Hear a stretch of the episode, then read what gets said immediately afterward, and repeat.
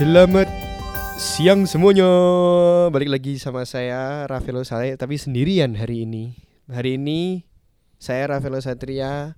Welcome back to Cultivated Podcast, equipping all generation to become Christ ambassador. Hore. Hari ini kita podcast di ruangan ini bertiga.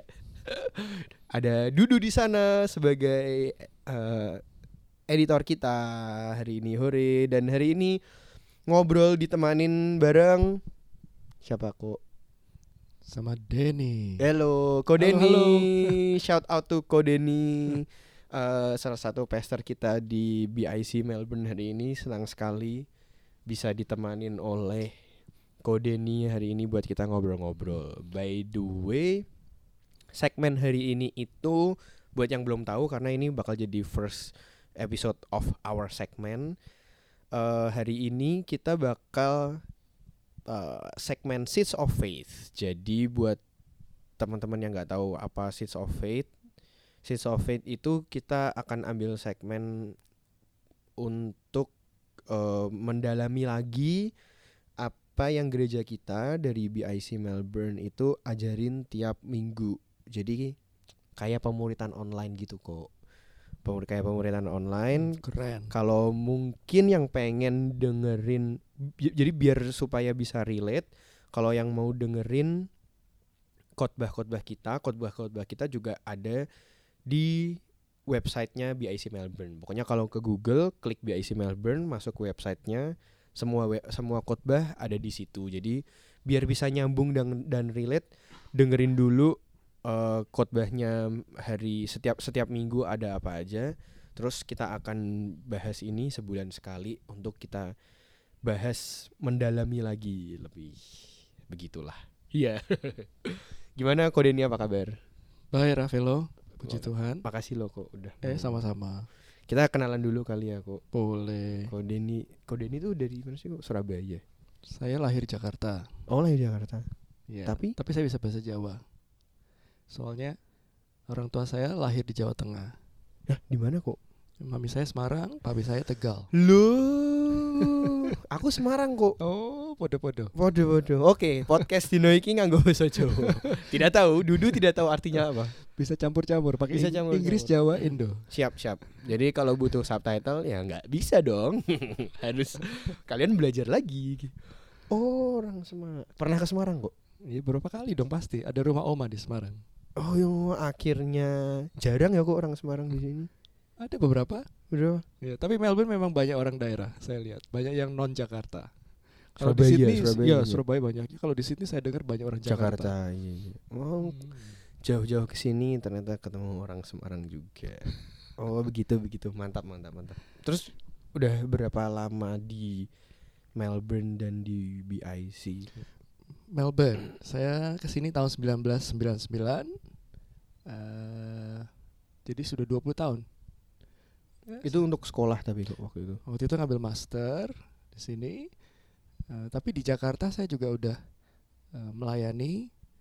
Saya ikut di ibadah perdana waktu Pak Niko buka pertama kali ibadah di Gedung Karsa Pemuda bulan September saya ada di situ Ah. bersama keluarga saya waktu itu saya masih remaja I Masih SMP.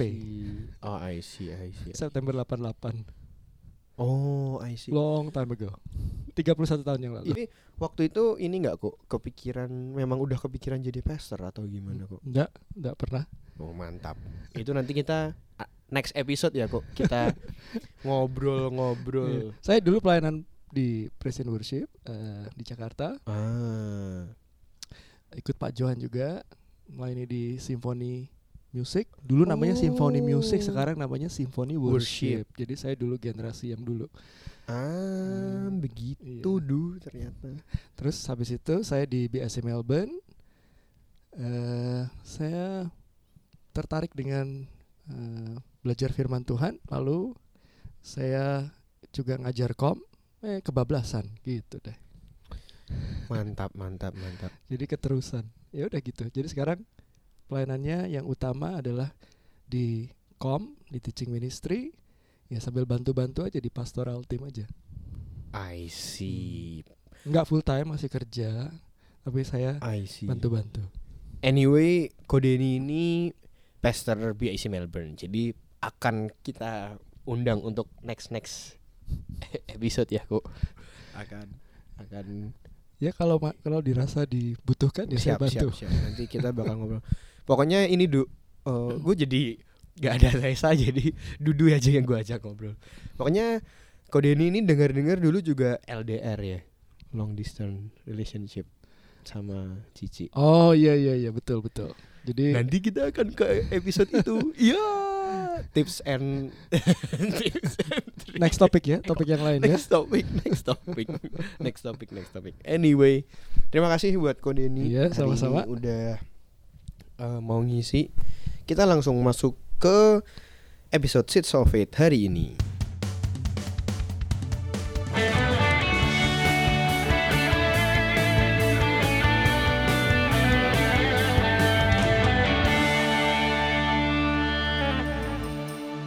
Oke kok. Kalau boleh cerita, eh, memang tema BIC dari bulan September, eh bulan November ini apa sih kok? Eh, temanya adalah tentang the power eh, in the kingdom of God. The power in the kingdom of God. The power of God. Power of God. Hmm. Em, dan ke preaching hari ini diambil dari mana kok? Ya, tadi pagi eh, saya sharing dari Lukas 14 ayat 1 sampai 14. Eh, saya ambil angle yang agak sedikit lain eh, karena yang lain sudah bicara tentang selama bulan ini tentang eh, kuasa mujizat Tuhan dan Hmm. segala macam. Saya coba ambil yang eh, aspek yang slightly different yaitu tentang the power and the status in the kingdom of God dari Lukas 14 ayat 1 sampai 14. Boleh. Jadi em, mungkin yang dengerin biar dapat konteksnya mungkin boleh di pause dulu podcastnya mungkin boleh dibaca dulu dari Lukas 14 ayat 1 sampai 14 ya kok ya. Mm-mm. Itu tapi kalau siapa tahu nih pendengar kita ada yang nggak ngerti atau belum pernah baca, itu memang lagi ngomongin apa sih kok? Oh, itu cerita tentang eh, sebetulnya ceritanya menarik. Nanti sambil kita Hmm. ngobrol, kita saya ceritain ya. Jadi Lukas 14 itu Tuhan Yesus lagi jalan dari ini hari Sabat. Jadi habis kebaktian gitu, dia jalan diundang ke rumah orang Farisi, which is pemimpinnya orang Farisi untuk makan di situ. Dan- jadi konteksnya sebetulnya itu tentang eh, dinner party setelah eh, kebaktian hari Sabat begitu. Hmm, hmm. Nah, eh, jadi ternyata makan-makan ini setelah kebaktian itu bukan cuma tradisi gereja Indonesia, tapi Udah jadi dari dulu ya, zamannya kok, Tuhan Yesus juga begitu ternyata. ternyata. Nah, lalu di dalam perjalanan itu, menurut ceritanya ada orang, eh, mereka satu rombongan ketemu dengan satu orang yang lagi sakit. Sakitnya dikatakan eh, dropsy bahasa Inggrisnya. Itu sebetulnya sakit bengkak-bengkak seluruh badan. Hmm. Nah, kemungkinan besar heart failure, liver failure atau uh, kidney fail- failure gitu ya.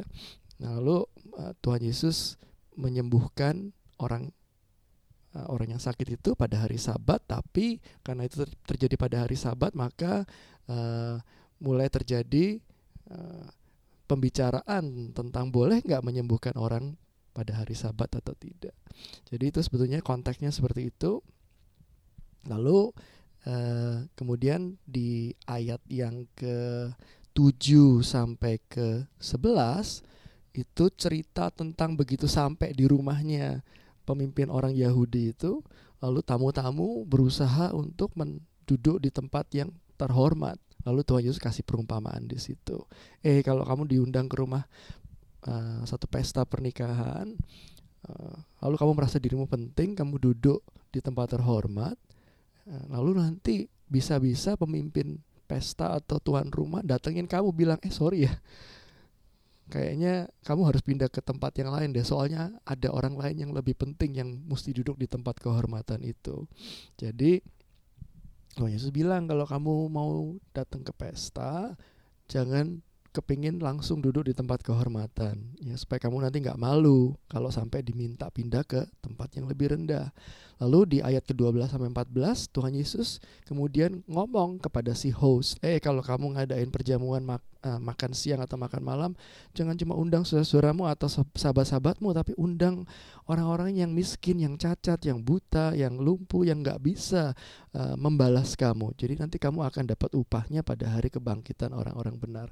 Nah, kira-kira ceritanya seperti itu. Hmm, jadi kayak ada tiga perikop gitu ya, Pak ya. Betul. Tuh. Oh, mantap Nah, mah. Tiga bagian. Hari ini akan panjang podcastnya. Weh, tidak dong, tidak dong. Saya belum makan lagi nih. kok? Ya. Jadi siapa tahu lagi kok ada yang belum ngerti.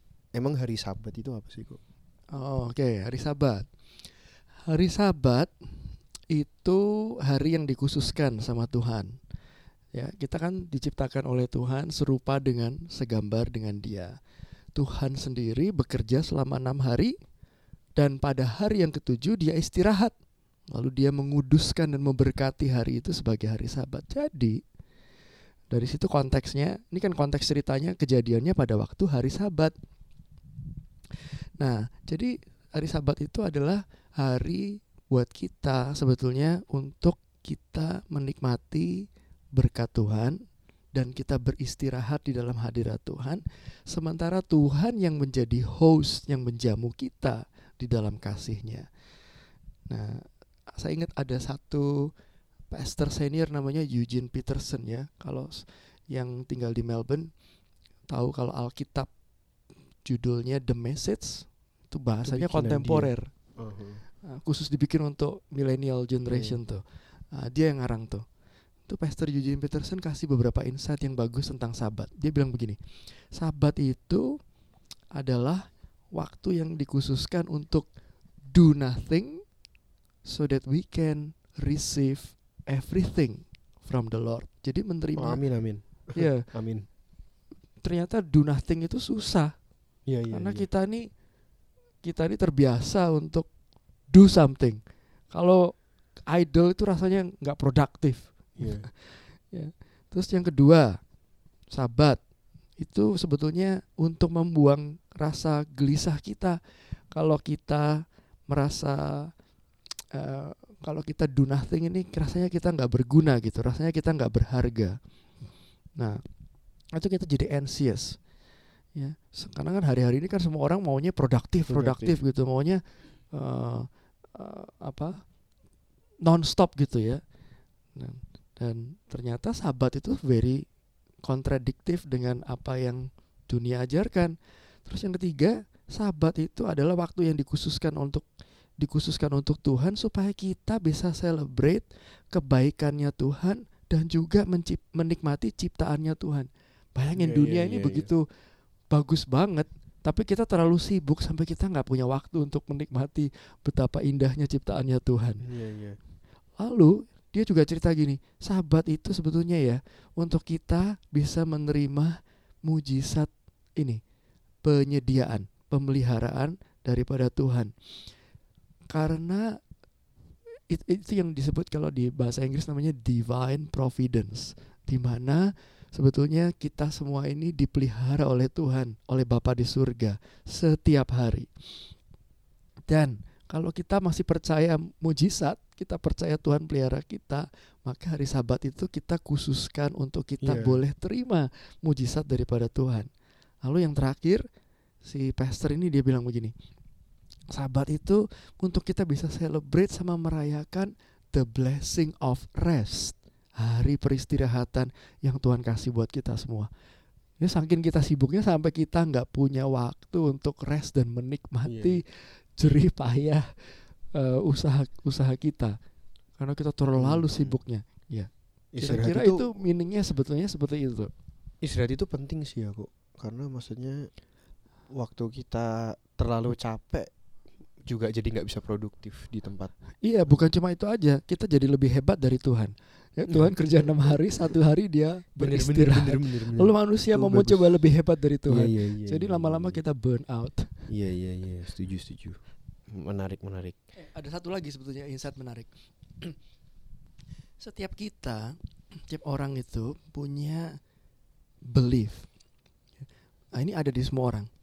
Baik orang Kristen maupun orang dunia, sama aja.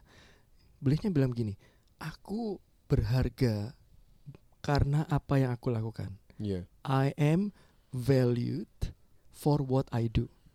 Itu belief ada di hati Iya. semua orang. Iya. Orang iya. kepingin orang merasa berharga kalau dia do something kalau dia karena dia berkontribusi. Nah, aku dihargai, aku diterima, aku dianggap oleh orang lain karena achievement kita, karena eh, posisi kita di eh, mungkin di kantor atau mungkin kehebatan kita berbisnis karena aset kita yang mungkin bilioner mungkin ya Eh, itu ingrain di dalam hati kita. Iya.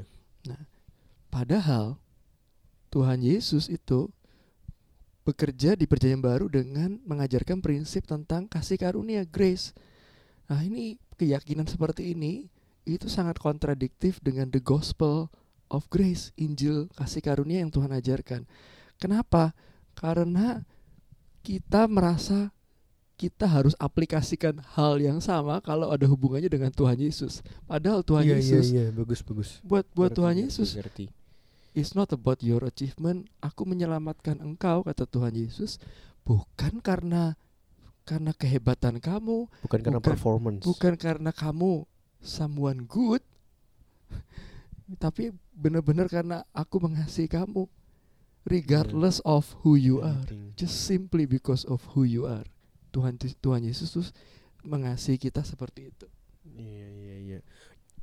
In a way juga tapi bukan berarti saat misalnya bukan berarti saat pelayanan kita tidak memberikan yang terbaik tapi gimana kok maksudnya Of course, of course. Nah, itu Um, beda, itu konsep itu konsep waktu kita do some melayani dengan eh, segenap hati kita. Tapi saya bilang yang tadi ini dalam konteks tadi hari Sabat hmm, di mana Tuhan tuh sebetulnya mengasihi kita, kasih kita eh, kesempatan untuk menikmati Dia, tapi kita sibuk sekali dengan eh, achievement kita. iya iya iya iya benar Dan benar untuk benar benar. benar. kita yang tinggal di kota-kota besar, orang yang metropolitan untuk bisa duduk diam tenang dan menikmati Tuhan susah banget mau melakukan hari Sabat. Iya, Wah, iya. ini rugi nih gua nih. Kalau aku ke gereja, aku nggak kerja, nggak dapet duit nih. Eh, padahal itu melatih kita, ngasih tahu kita waktu kita melakukan ibadah ya pada hari Sabat menguduskan hari Sabat kita datang ke eh, ke hadirat Tuhan ke gereja berbakti celebrate kebaikannya Dia terima berkat rohani itu ngasih tahu kita sebetulnya melatih kita bahwa kita tidak hidup dengan kekuatan kita sendiri tapi kita hidup karena anugerah daripada Tuhan Amin.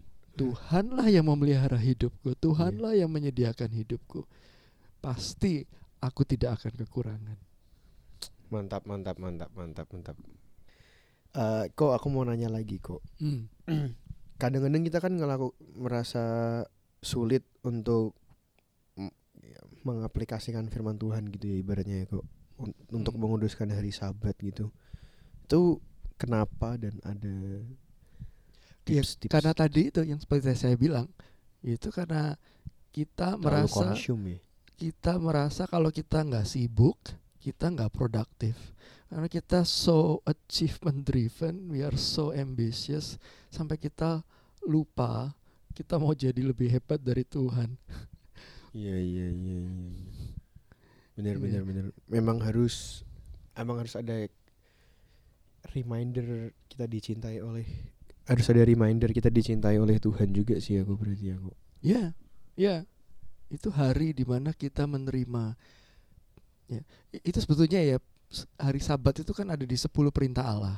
Tapi selain perintah, sebetulnya Sabat itu juga it's a gift. Iya. Angle-nya bisa dilihat dari situ juga. Iya. Itu pada hari itu, nah ya, gini, di dunia ini semua punya yang namanya ada yang namanya status sosial. Iya. ada yang kaya miskin ya ada yang direktur ada yang orang biasa ada yang uh, lulusan SD ada yang lulusan PSD orang punya status sosial jenjang sosial di dunia tapi ya pada waktu hari Sabat itu setiap minggu ada satu hari di mana sa status sosial kita tidak menentukan nilai kita di hadapan Tuhan.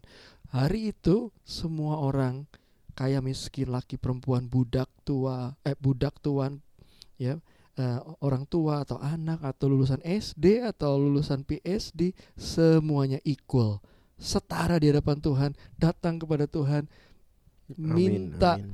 pengampunan yang sama dari Tuhan karena semua orang sudah berdosa butuh anugerahnya dia minta kuasa kesembuhan dari dia minta perlindungan daripada Tuhan hari itu everyone equal to each other Amin amin amin.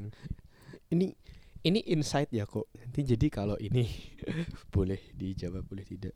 Ya. Waktu itu tuh kan apakah istilah hari Minggu itu udah ada belum sih kok? belum Eh, ya makanya hari saya kalau orang ya. Yahudi sabatnya hari Sabtu kalau orang eh, Kristen mi hari Minggu Ah, gitu but that's culture lah ya maksudnya atau ya gimana ada maksudnya? ada sejarah I- ibadat gerejanya dimulai sejar- Ya. saya- Ya, prinsipnya Set. adalah eh, kalau kita pada umumnya adalah hari Minggu. Dan prinsip yang kedua adalah eh, dalam tujuh hari ambillah satu hari untuk kita istirahat dan menikmati hadirat Tuhan hmm, dan merayakan amin. kebaikan Tuhan. Intinya gitu. hmm, mantap kok. Kok aku mau bahas lagi kok eh, tadi yang kita lagi ngomongin per perikop. Tapi tadi kalau kita masuk ke perikop pertama ya yang penyembuhan pada hari Sabat yang 1 sampai 6 kok. Yang tadi waktu Koko preaching aku keingetannya jadi yang menentukan orang boleh eh, mem- menyembuhkan apa tidak boleh menyembuhkan di hari Sabat itu maksudnya berarti siapa kok? Ya, jadi orang Yahudi pada zaman itu bikin peraturan banyak sekali on top of Em, eh, yang yang Taurat. di hukum Taurat. Jadi saya balik lagi ke cerita itu ya. Tuhan Yesus lagi jalan, ini sama rombongan di Lukas itu dibilang banyak ahli Taurat sama lawyer, bahasa Inggrisnya pakai lawyers ya. Hmm. Lawyers and the Pharisee. Jadi memang orang-orang yang ngerti ahli-ahli hukum Taurat. Ya, jadi habis kebaktian ibadah hari Sabat di bait suci, somehow Tuhan Yesus diundang nih sama grupnya menengah ke atas ini, orang-orang pinter terhormat, kaya, sugih, hebat, berpendidikan tinggi, mungkin eh, eh, ya termasuk para pendeta-pendeta kira-kira kayak gitulah Zaman itu. pada zaman itu ya diundang ke rumahnya pemimpin orang Farisi. Lalu mereka jalan dalam perjalanan itu somehow ada orang sakit dropsy. Ya, orang sakit dropsy yang tadi saya jelaskan orangnya bengkak-bengkak. Ah, lalu Tuhan Yesus malah berhenti. Nah, saya yakin orang-orang itu kan lagi pulang gereja gitu ya, pulang kebaktian kayaknya kan lagi moodnya lagi happy gitu. Tuhan Yesus tuh somehow tuh seneng suka ngerusak atmosfer pesta gitu loh. Orang lagi jalan, aduh ada orang dropsy rasanya kepingin kita nyebrang aja deh nyebrang. Ya. melipir nek bahasa Melipir Jawa. gitu supaya pura-pura nggak Jawa. ketemu Iya, gitu loh. pura-pura Kalau ketemu kan awkward melipir. gitu kan. Ya, ketemu tapi Tuhan Yesus bukannya nyebrang dia malah member- memberhentikan seluruh rombongan. Iya, iya. Udah memberhentikan seluruh rombongan, disembuhin lagi. Udah disembuhin, dia nanya lagi. Nanya biasanya kan orang Farisi suka menjebak Tuhan Yesus ya. Hmm. Kali ini Tuhan Yesus mungkin iseng gitu ya. dia sekarang dia nanya yang susah. Boleh nggak menyembuhkan orang pada hari Sabat? Karena dia tahu di situ banyak orang-orang Farisi, lawyers dan ahli-ahli Taurat di situ. Nah, pada zaman itu ada rules. Boleh menolong orang pada hari Sabat kalau tidak eh sorry, kalau life threatening Threatening. Emergency. Boleh. Tapi kalau nggak life threatening threatening nggak boleh. Nah ini pertanyaannya dilematis buat orang Yahudi. Lah kalau dibilang kalau mereka bilang Tuhan Yesus sorry kalau Tuhan Yesus mau menyembuhkan orang yang sakit ini lalu orang Yahudi yang melarang Tuhan Yesus untuk menyembuhkan orang sakit ini mereka akan dianggap sebagai socially ya sebagai orang yang tidak punya perasaan atau empati sama sekali. Zaman itu udah gitu berarti Ya pasti setiap orang is part of the human being, orang punya Hmm, feeling hmm. kan. Ini orang rohani Jahat. banget gitu ya, Oh. tapi nggak punya belas kasihan sama sekali gitu. Nah, eh sampai aki jadi itu mereka nggak bisa jawab pertanyaan Tuhan Yesus ya. Ayat 4 bilang mereka itu diem semuanya Hmm. kagok ya itu atmosfernya udah nggak enak kan? Dari tadi ketawa-ketawa tiba-tiba jadi Hmm. diem ya Hmm. gitu ya. Eh udah gitu Tuhan Yesus nggak cuma berhenti di situ ditambahin lagi. Itu kalau buat saya kayaknya dipepet dipojokin gitu ya. Dia tanya lagi eh kamu siapa di antara kalian yang tidak segera menarik keluar anaknya atau lembunya? Kalau terperosok ke dalam sebuah sumur meskipun pada hari sabat nah by the way kalau orang terperosok ke sumur kan belum tentu life threatening kan Hmm. jadi eh, lembunya atau anaknya bisa aja dikasih makan di situ. Besok Besok nanti di- iya, itu juga. Sama juga tadi yang eh, eh, orang yang sakit dropsy tadi. Hmm. Orang Farisi tahu jawabannya sebetulnya nggak boleh, tapi karena tadi dilematis kan. Hmm, Sebetulnya hmm, kan hmm, itu kan hmm, tidak life threatening. hmm, hmm, Dia udah sakit tiga bulan tuh si orang yang sakit dropsy Hmm. tadi itu. hmm, Disembuhin besok kan bisa, hmm, nggak usah hari ini. hmm, Tapi hmm. Tuhan Yesus itu begitu mengasihi orang itu. Jadi kalau dalam konteksnya tadi ditanya, siapa di antara kamu tidak segera menarik keluar anaknya atau lembunya kalau terperosok ke dalam sumur? Buat Tuhan Yesus itu seperti orang yang sakit dropsy itu seperti An- ya, Iya. anak orang yang begitu berharga, dikasihi, iya. bergar, berharga. Padahal mungkin kenal juga enggak ya gue. Betul, betul. Tapi pertanyaannya kenapa kalau anak sama lembu kamu tolong? Why? Karena milik Karena itu harta kesayanganmu. Tapi kalau orang Iya, dropsy iya, orang iya. lain who cares? Iya iya iya. Tapi iya. buat Tuhan orang yang sakit itu harta kesayangannya Tuhan. Dan kita ini sebetulnya punya kecenderungan punya hati yang sebetulnya kayak orang Seperti Farisi itu. Iya iya iya iya mantap. Eh maksudnya mantap dalam arti ngerti maksudnya. ngerti ngerti ngerti. Jadi Kita Sekarang jadi kalau ngerti. udah baca firman Tuhan tuh senangnya kan yang yang yang menyenangkan. yang, yang self centered kan, yang menyenangkan kita. Tapi kalau udah yang butuh sacrifice, bayar harga, Di lalu skip. kita berusaha jadi very apa ya? Oh, yang ini boleh, yang ini perlu, yang ini nggak usah. Iya iya. Jadi kita berusaha untuk menghindari. Jadi kita kalau baca Alkitab kadang-kadang lensanya bias. Iya iya iya. Iya. Dan itu Tuhan mengorek kita supaya lewat pagi firman Tuhan ini hari ini terus kita mata kita dibukakan supaya kita eh, ngerti kasihnya Tuhan Yesus gitu. Oh bener itu di ayat 6 bilang mereka tidak sanggup membantahnya. Iya iya iya. Menarik menarik menarik. Thank you kok. Memang Tuhan Yesus selalu anti mainstream pada zamannya. Itu- Iya. Tapi kok kalau mau nanya lagi, kalau boleh nanya lagi, apakah itu berarti orang Farisi itu ibaratnya gimana ya? Bikin teori sendiri dari kuduskanlah hari Sabat. Kira-kira enggak, mereka sebetulnya ikut perintah yang Allah yang ke hukum itu 10 perintah Allah. Eh, nanti detail-detailnya ditambahin lagi mereka bikin sendiri on top of that. Banyak tuh tapi itunya. sumbernya dari yang kuduskanlah hari Sabat Iya, juga berarti. iya. Kalau bilang Iya. tidak boleh ya di interpretationnya seperti itu, Iya. padahal ya interpret sendiri ibaratnya ya. ya detail-detailnya kan mereka bikin lagi sendiri gitu. Nah itu yang Tuhan bilang kemunafikan eh, hati. Iya iya iya iya iya iya. Ya, Ngerti ngerti ngerti gitu. ngerti ngerti ngerti ngerti. Lah terus kok kalau yang tempat paling utama paling rendah tuh maksudnya sih? Kan, Ah, eh, itu well, ayat itu. 11 kan ayat lumayan terkenal ya barang siapa meninggikan diri ia akan direndahkan dan barang siapa merendahkan diri ia akan ditinggalkan. Cuman mungkin Iya, banyak yang belum tahu tuh. betul. Nah, gini, itu kan cerita menarik itu ya. Kalau di pesta kan sebetulnya ada tempat duduk kan, bagian tempat duduk. itu kan. tapi lanjutan kan ya kok. lanjutannya Ibaratnya masih Kira-kira hari yang udah sama nyampe ya. nih, udah nyampe ke masih rumahnya. hari yang sama. udah nyampe ke rumahnya. Biasa kalau kita datang diundang ke pesta kan, saya duduknya di meja nomor berapa ya, sama Iya. kursi nomor berapa ya? Nikahan nikahan. Ya, itu udah ada bagan Ada mapnya tuh. Nama-nama. Dan itu sebetulnya menarik tuh, karena eh, gini pada zaman itu ada eh, Roman culture ya, karena kan waktu itu kan eh, Israel diduduki oleh Roman Empire. Hmm. Jadi culture-nya Roman itu kuat di situ.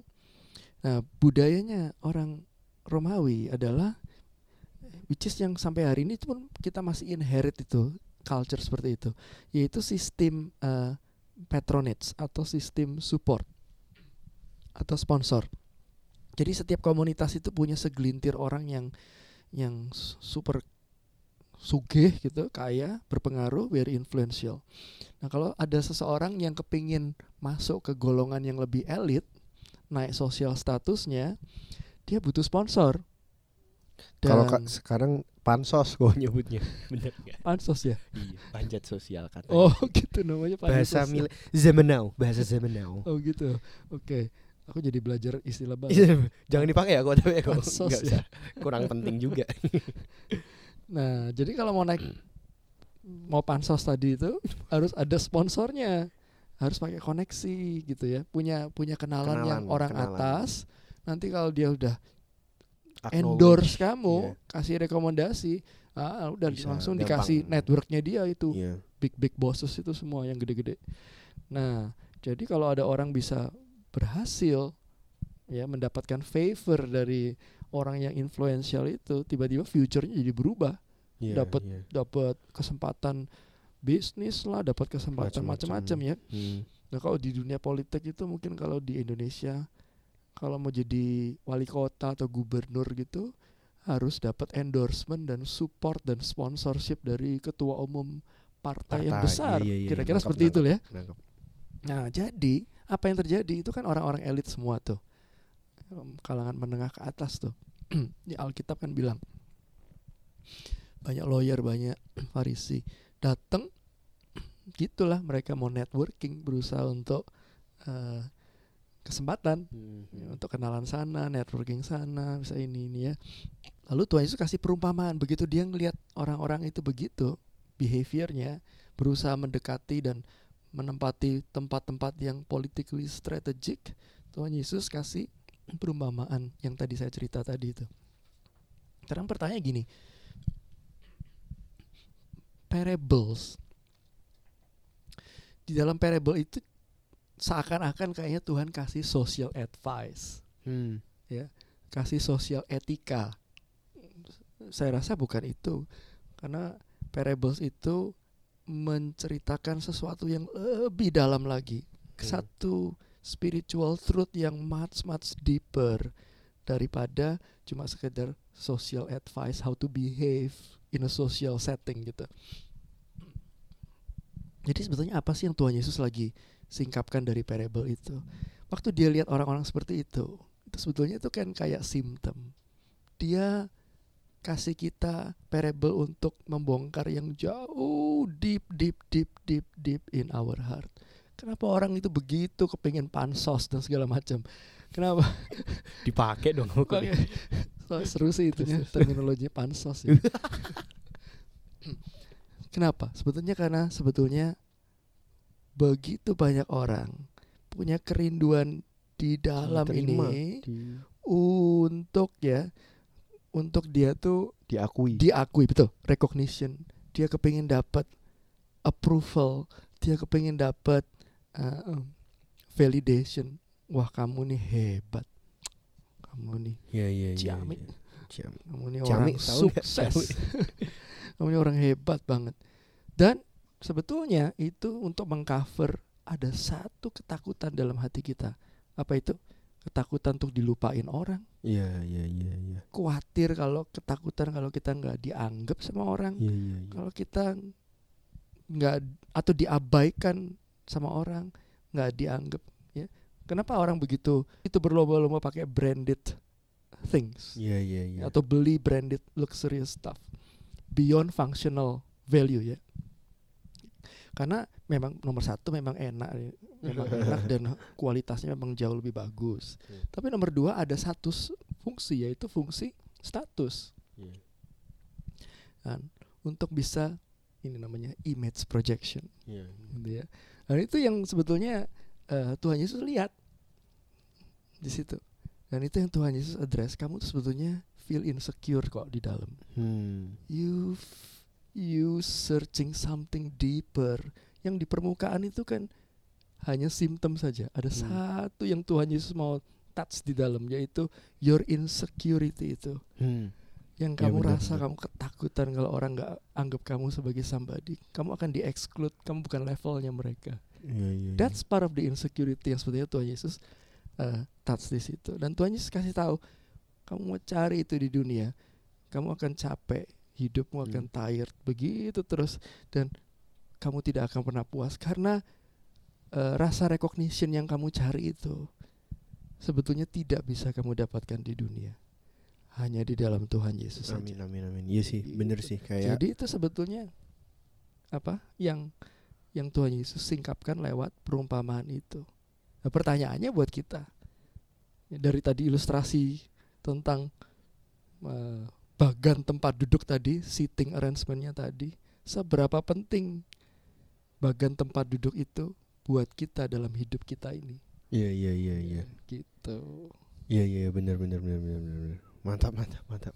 Speechless. Mantap mantap mantap mantap.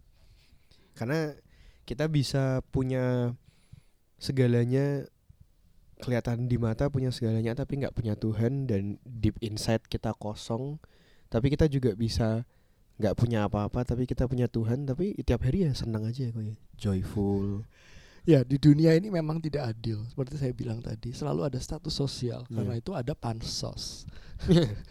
Ini orang ingin Iya. ada di tempat yang tinggi, semua orang bertanding, semua orang bermanuver, semua orang berusaha fighting hanya untuk pansos tadi. Hmm. Sebetulnya why? Karena pertanyaan kan why we are Why? doing Iya that? iya iya. Karena kita kepingin di value, kita pingin dapat recognition, kita pingin dianggap orang berhasil, kita feel insecure. Hmm, hmm, hmm. Tapi kalau kita Mantap tahu sih. kita dapat dari Mantap, Tuhan, kan apa perlu hidup seperti itu? Iya. Capek kan? Terus kok eh sebenarnya waktu aku baca ayat ini ayat Lukas kita masuk ke perikop ketiga which is perikop ini kok aku sampai aku sampai oren-orenin semua Karena- Keren. Karena tiga ayat terakhir ini menarik banget sih siapa yang harus diundang in a way aku sebenarnya masih lumayan belum jelas mudah-mudahan kode ini bisa jelasin lagi cuman coba kok ayat yang 12 sampai Ya, 14 sip. tuh maksudnya gimana kok Nanti yang dengerin podcast baca dulu ayatnya. Itu nasihat Tuhan Yesus kepada si host. Nah, sebetulnya ini menarik. Saya mau coba tarik dari angle yang berbeda ya. Saya ingin tunjukkan apa yang sebetulnya Tuhan Yesus katakan lewat ayat 12 sampai 14 parable-nya itu cerita nasihatnya dia eh, kepada si host si tuan rumah yang mengadakan pesta. Sekarang saya mau ajak eh, kita coba mikir gini. Kalau baca Alkitab pertama kali tentang teks yang ini nih, the first time baca tentang teks yang ini, kira-kira kita tempatkan diri kita di tokoh yang mana? Jadi kalau ini ada film atau sutradara ya drama nih, kira-kira kejadiannya seperti ini. Kita ini waktu kita baca teks pertama kali sebelum dijelaskan sama pendeta mana pun, kita lihat diri kita di mana? Apakah kita melihat diri kita bagian dari tamu-tamu tadi yang tadi bermanuver kepingin dapat tempat duduk di posisi-posisi yang tinggi? Atau mungkin kita melihat diri kita sebagai si tuan rumah ya yang sugih, yang baik dan membuka tuh rumahnya untuk orang-orang boleh datang dan makan-makan dan uh, masuk ke dalam hidupnya. Atau mungkin kita melihat diri kita sebagai seorang yang penting oh yang penting. yang diundang ke tempat uh, Situ. pemimpin orang Farisi itu. Hmm. Saya yakin nggak semua orang diundang. Kan rumahnya kan nggak nggak bisa buat ribuan orang Hmm. kan. Pasti dia seleksi yang pen- yang orang-orang yang tertentu aja yang penting. Saudara melihat diri saudara di mana di dalam cerita itu.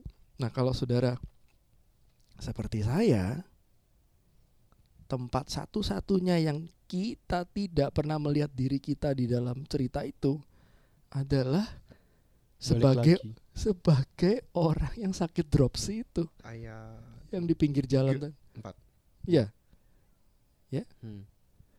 dia adalah orang yang satu-satunya di seluruh cerita ini sebetulnya tidak akan pernah sebetulnya dapat kesempatan untuk Iya, diundang nggak mungkin masuk ke pesta itu atau ke jamuan makan malam itu.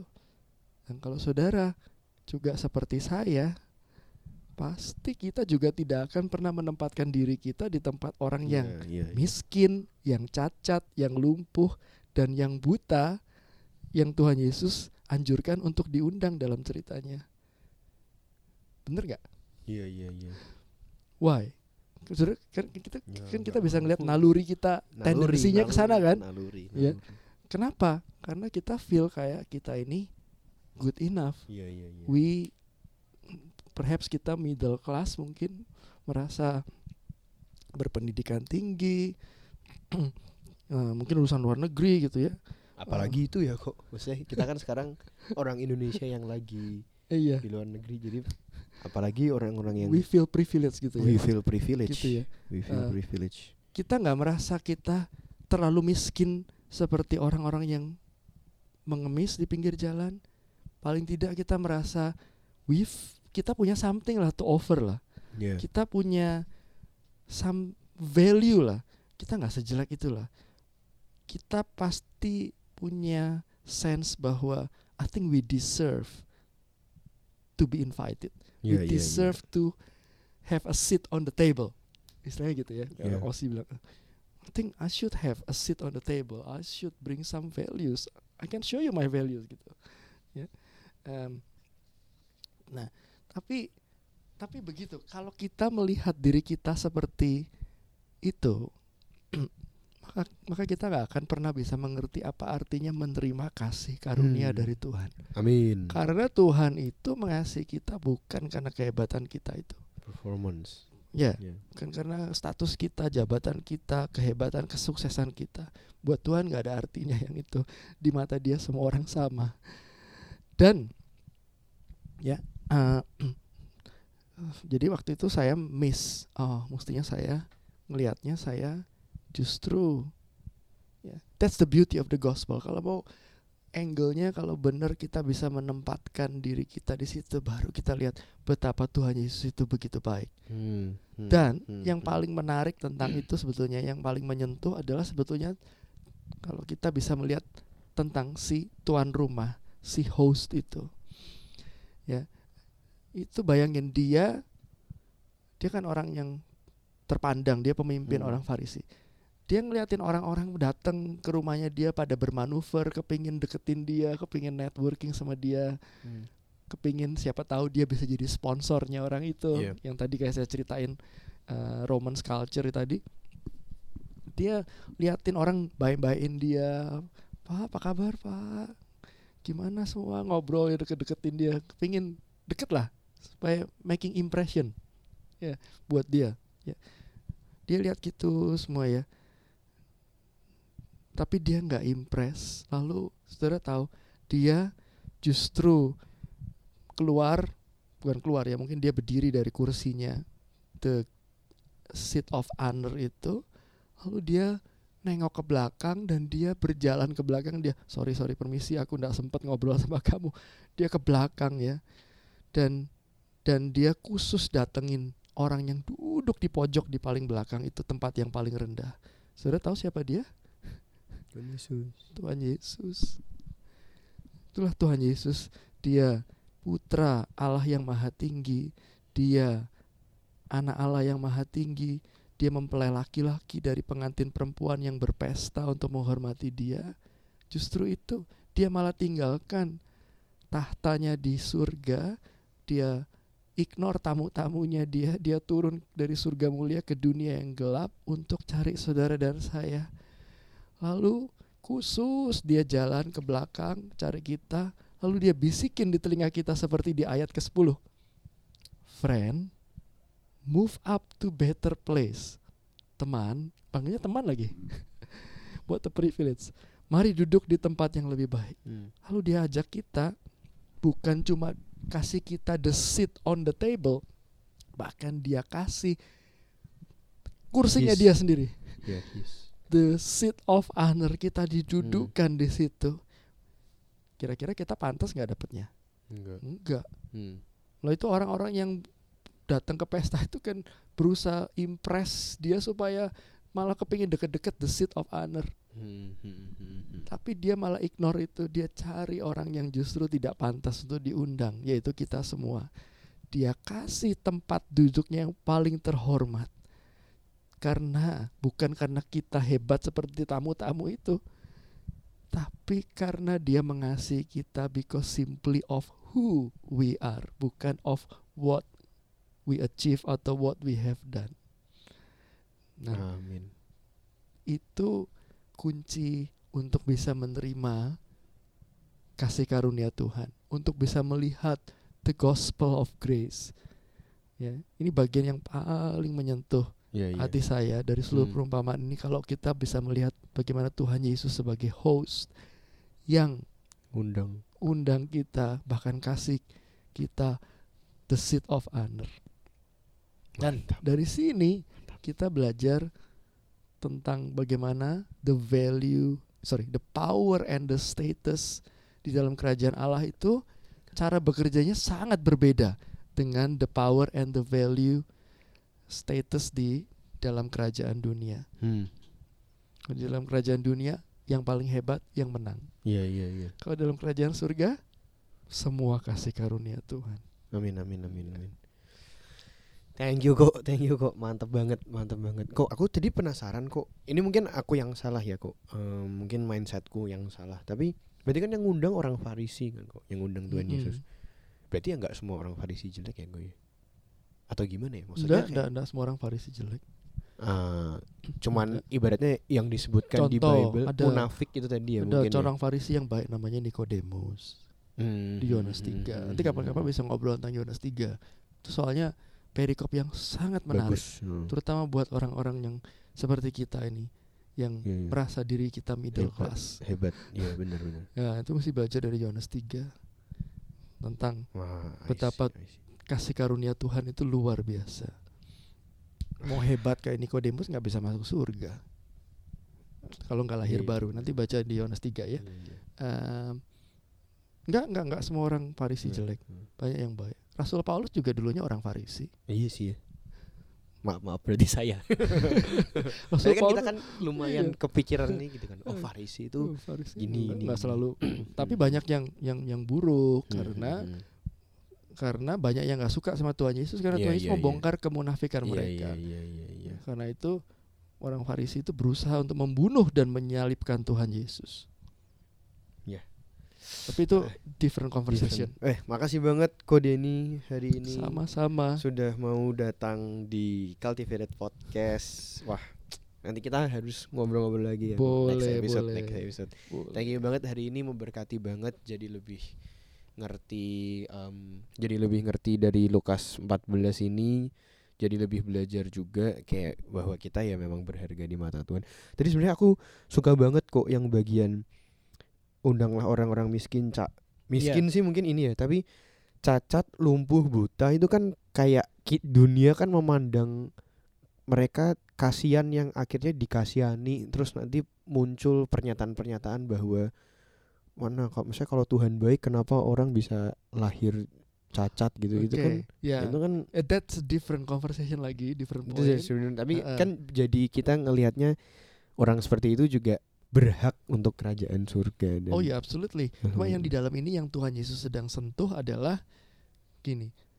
Orang-orang yang merasa dirinya hebat akan terus fighting untuk Iya, iya. me- Mhm. me- memproyeksikan betapa hebatnya dia. mengachieve Eh, betul. Hmm. Untuk orang-orang yang cacat, buta, lumpuh, miskin, that's orang-orang yang istilahnya gak Da- ada harapan gak mungkin di bukan levelnya mereka. nggak mungkin di Gitu. invite tadi itu Iya, bukan levelnya iya kita iya gitu. iya iya iya Iya. iya iya iya iya ngerti gak di matanya mereka that's that's not my level itu yang orang-orang sial gitu Hmm, ya hmm, hmm, hmm. tapi justru that's the beauty Bagi of Tuhan dari Yesus. Tuhan Yesus itu itu angle-nya kalau kita lah. bisa melihat that di mata Tuhan justru kita itu sebetulnya kayak orang-orang itu Iya.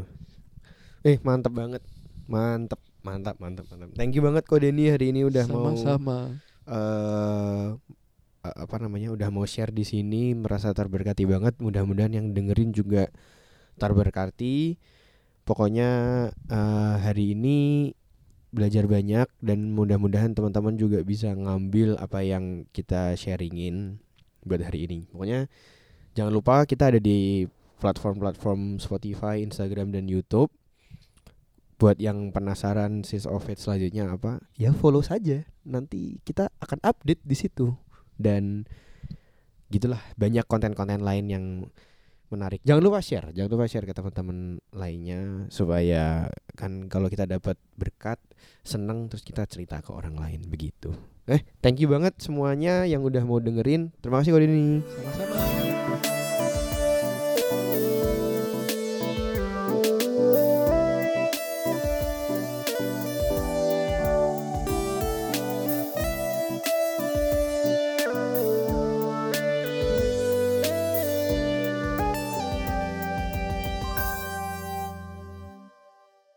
Terima kasih sudah mendengarkan podcast kami. Share podcast ini kalau menurut kalian memberkati. Cultivated Podcast tersedia di Spotify dan YouTube dan kalian bisa cek juga Instagram kita di cultivated.podcast. Terima kasih.